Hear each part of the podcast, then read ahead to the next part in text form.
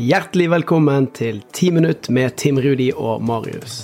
En Heart Mentality-podkast. Hjertelig velkommen. I dag har vi en eh, Ja, hva skal jeg si? Vi har et eh, veldig kult eh, tema som jeg digger. Som noen ganger kan være litt ubehagelig, men som virkelig kan sette ting i sving. Gi deg framdrift, få deg til å ta steg framover. Ikke føle at du er stuck og gå bakover. Men det handler rett og slett om det her med å ta valg.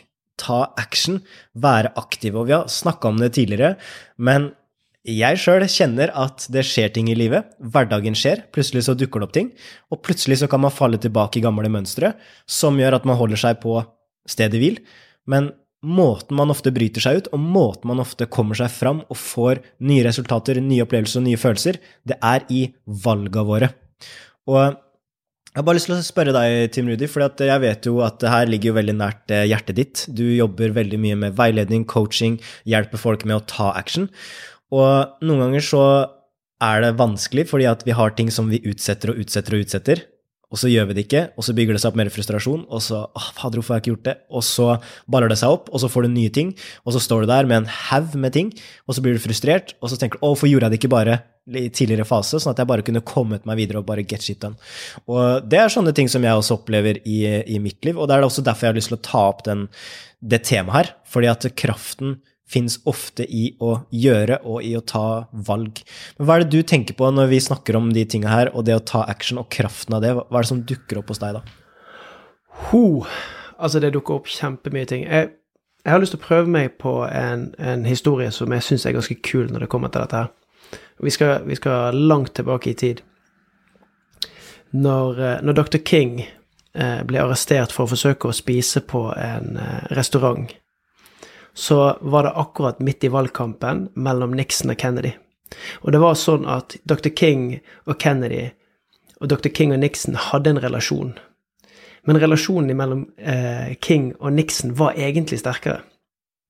Og når han blir satt i fengsel, så forsøker konen hans å ringe til Nixon først. Og Nixon han ble satt i en situasjon der han skulle ta et valg. Skal jeg ringe til de ulike state officials og sørge for at uh, han ble løslatt, eller ikke. Så lot han være. Og så ringte konen til King uh, til Kennedy.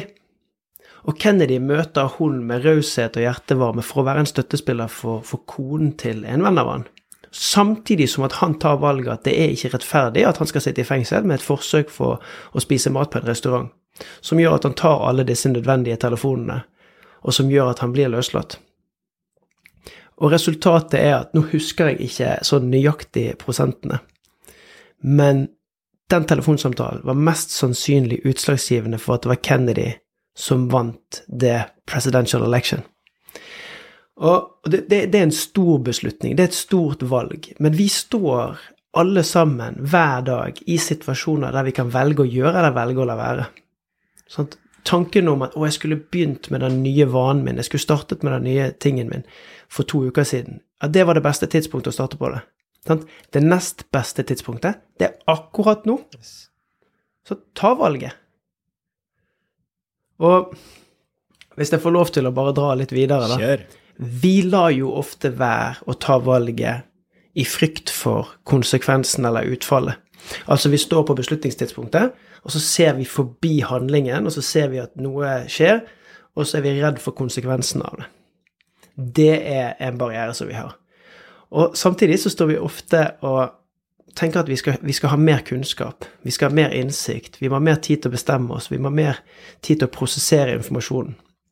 Litt teknisk, så det kalles for et ønske om å ha unbounded rationality.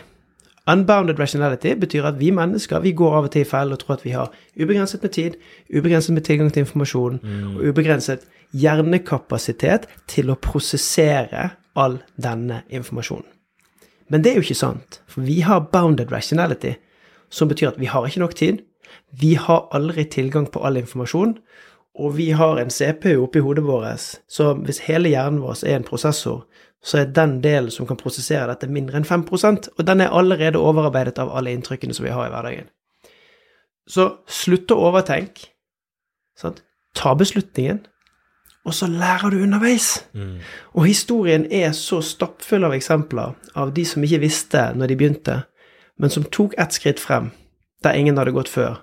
Kanskje to skritt frem, så se rundt og så bare Å ja, det er sånn det er her. Ok, nå må jeg justere. Nå må jeg gjøre en annen ting. Men hele tiden så var det nye actions, det var nye ting, det var nye handlinger. Ja, det her er så kraftfullt, og, og en ting som jeg har lært de siste åra, det er faktisk å klare å komme fram til hvordan kan jeg prioritere ting, sånn at ikke alt blir like viktig, og alt er på samme linje, da. Fordi at det er også vanskelig, fordi at vi har så mange ting, og så har vi opplevelsen av, følelsen av, at ja, men alt er viktig. Og så blir alt satt på lista, og så blir det bare overveldende, og så stopper jeg opp, og så gjør jeg ikke noe. Så jeg har faktisk lært en, en strategi som kalles for Eisenhower. Har du hørt om den? Nei, jeg har ikke det. Det er, det er veldig kult. Det er et sånn produktivitetsverktøy. Og det handler om å rett og slett lage en prioriteringsliste. Begynne å trene på å lære seg å prioritere hva er viktig, hva kan vente, hva kan jeg gjøre nå, hva kan jeg gjøre senere. Og det har hjulpet meg så utrolig mye. Det jobba jeg sammen med coachen, coachen min. Og etter at jeg gjorde det, så fikk jeg ting ned fra hodet og da får jeg ting mye tydeligere og klart. Og jeg er sånn som tenker veldig mye, så jeg kjenner meg igjen når du sier overtenke ting, tenke på for mange ting. Det, når jeg kjenner at hodet mitt er fullt, så er det signalet for meg om at jeg trenger å få det ned. Få det ned og sette det inn i prioritering. Og det her er ikke enkelt, men det er som det er, det er å lage et vindu, og så skriver du eh, 'viktig' i den ene ruta, 'ikke viktig' på den andre ruta, og så skriver du 'haster' på den ene, og 'haster ikke' på den andre. Mm. Og da kan du jo se, da. Nå, nå, har du en dag foran deg i dag. Hva er det som er viktig, og som haster? Ja, det er lurt at du gjør i dag. Mm. Hva er det som er viktig, men det haster ikke? Kanskje du har noen oppgaver som trenger å gjøres, men det må ikke gjøres i dag. Det er ikke noe deadline, det er ikke noen som eh, trenger det i dag. Ah, kanskje, kanskje, jeg kan ta det senere. Og det man gjør da, det er at man begynner å tenke over valgene sine, og man begynner å tenke over hva kan jeg gjøre nå, og hva kan jeg gjøre senere, sånn at man også kan finne ut av nå er dette valget viktig. Og senere i uka, kanskje f.eks. på onsdag eller torsdag, mm. da er det viktig. Da kan jeg gjøre det, da kan jeg prioritere det, men her og nå så har jeg alle disse oppgavene, men alt er ikke like viktig, alt haster ikke, og derfor så kan jeg ut ifra det begynne å fordele, og da kan det være lettere for meg å ta valga. Og det er et veldig godt verktøy. Og så kan det være at det er noen som tenker, her skal jeg utfordre det litt, da. Yes. Hva om den tingen som jeg har lyst til å endre, ikke fremstår som viktig for meg nå? Og ikke fremstå som at han haster. Mm. Har, du, har, du, et eksempel på det? Mm. Uh, altså, veldig banalt enkelt, siden du spør så kjapt. Det å bli i bedre form eller å spise sunnere, mm. det er de enkleste eksemplene jeg har. Sånn kortsiktige Tim Rudi, han ser ikke effekten av å slutte å spise sjokolade i dag. Nei. For han har lyst på sjokolade nå. Mm. Og kortsiktig Tim Rudi han vurderer smerten av å ta 100 pushups opp imot tilfredsstillelsen å sitte på sofaen. Mens langsiktige Tim Rudi sånn Han ser at hvis jeg spiser én sjokolade for dagen i tre år, så har det en eh, effekt på meg. Og hvis jeg tar 100 pushups for dagen, så har det en effekt på meg. Mm. Jeg kan ta et eksempel som uh, eh, dukka opp hos meg når jeg jobba med coachen min og jobba med det verktøyet her. og da da var det det her med at det, det, var veldig mange ting som skulle gjøres, og det var eh, ja, periode hvor det var litt mer trøkk, da, for å si det sånn. Uh, og da sa hun at ja, men hva er det som gjør at du kan bedre håndtere de tinga her, da? Og så kom jeg fram til ja, men det er jo egentlig ja, meditasjon hjelper veldig. Så er det sånn, ja, uh, hvor mye mediterer du? Sånn, Nei, jeg mediterer på morgenen. ja, hva om du mediterer to-tre ganger om dagen nå, i den perioden her, sånn at du klarer å sortere ting bedre, og du klarer å være mer fokusert?